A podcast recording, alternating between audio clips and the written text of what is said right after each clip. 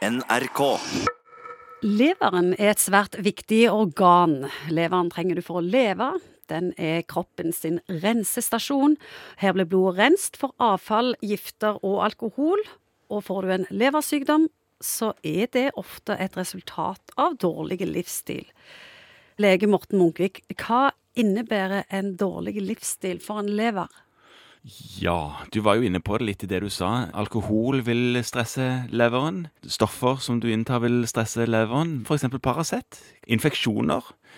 Hepatittene, f.eks.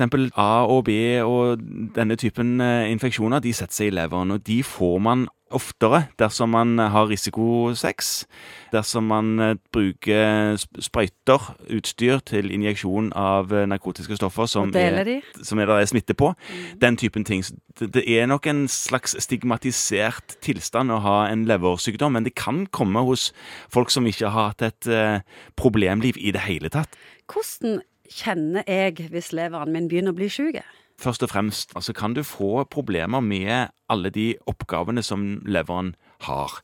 Og leveren har en funksjon med å holde blodsukkeret stabilt og fettstoffskiftet oppe og gå. Det er òg viktig for å produsere galle.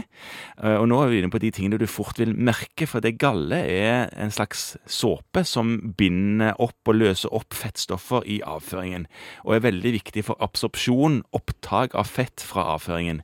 Det merker du som en fettete avføring. Og en fettete avføring merker du med at han blir mer hvitlig på fargen. Den vil flyte litt mer i toalettskålen, og ikke være så lett å spyle ned i toalettet, og så lukter den ofte annerledes enn vanlig. Og I tillegg så vil òg en av funksjonene til leveren være å rense blodet, som du sa innledningsvis, for avfallsstoffer. Og noen av de avfallsstoffene de har med hemoglobinet, altså det som binder opp oksygen i de røde blodcellene, å gjøre. Og hvis du får for mye nedbrytningsproduktene av dette hemoglobinet som ikke leveren klarer å ta unna fra blod, så vil det samles opp i blod. Og hvis det skjer, så vil du kunne se det etter hvert, hvis nivåene blir høye nok, som en sånn gulskjær som du først ser i øynene, på de hvite i øynene.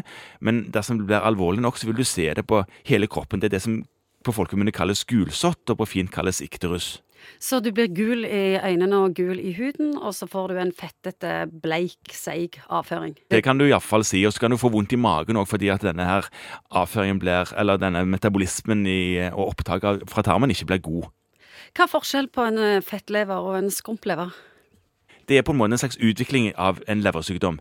Det starter uten at du kan se noen ting på leveren, og etter hvert, hvis du tar f.eks. en ultralyd, så vil du kunne se at oi, her har det kommet ganske mye fett inn imellom de vanlige levercellene. Fettlever. Men hvis det går enda lenger, at du fortsetter å drikke f.eks., eller hepatitten du har fått fortsetter å utvikle seg og skade leveren ytterligere, da vil den fettleveren gå over, utvikle seg til å bli det som vi kaller en skrumplever. Da blir det en liten, tett lever som fungerer veldig dårlig. Hvis du da stopper skadene, mm. vil han være like skada videre, eller blir han frisk igjen? Leveren har jo en kjempegod evne til å regenerere som dette, altså behandle seg sjøl. Men på et tidspunkt så vil det være sånn at han ikke klarer å snu og gå tilbake igjen, og da blir han på en måte aldri god igjen. Men dersom en stopper med å drikke, f.eks. Hvis en er en alkoholiker og stopper med å drikke og klarer å bli, bli tørrlagt, så vil en, selv en ganske skada lever kunne gå tilbake til å få en god funksjon. Og heldigvis er det jo også sånn at man har ganske mye lever, sånn at man klarer seg uten Det er kroppens nest største organ, er det ikke? Det er kroppens nest største organ. Det største organet er Huden? Yes. Det har lært litt nå. er hudlegens store stolthet. det, det, er det. Men det er kroppens største kjertel. Men det betyr at man kan klare seg med halvparten, f.eks., uten at det ødelegger funksjonen. NRK.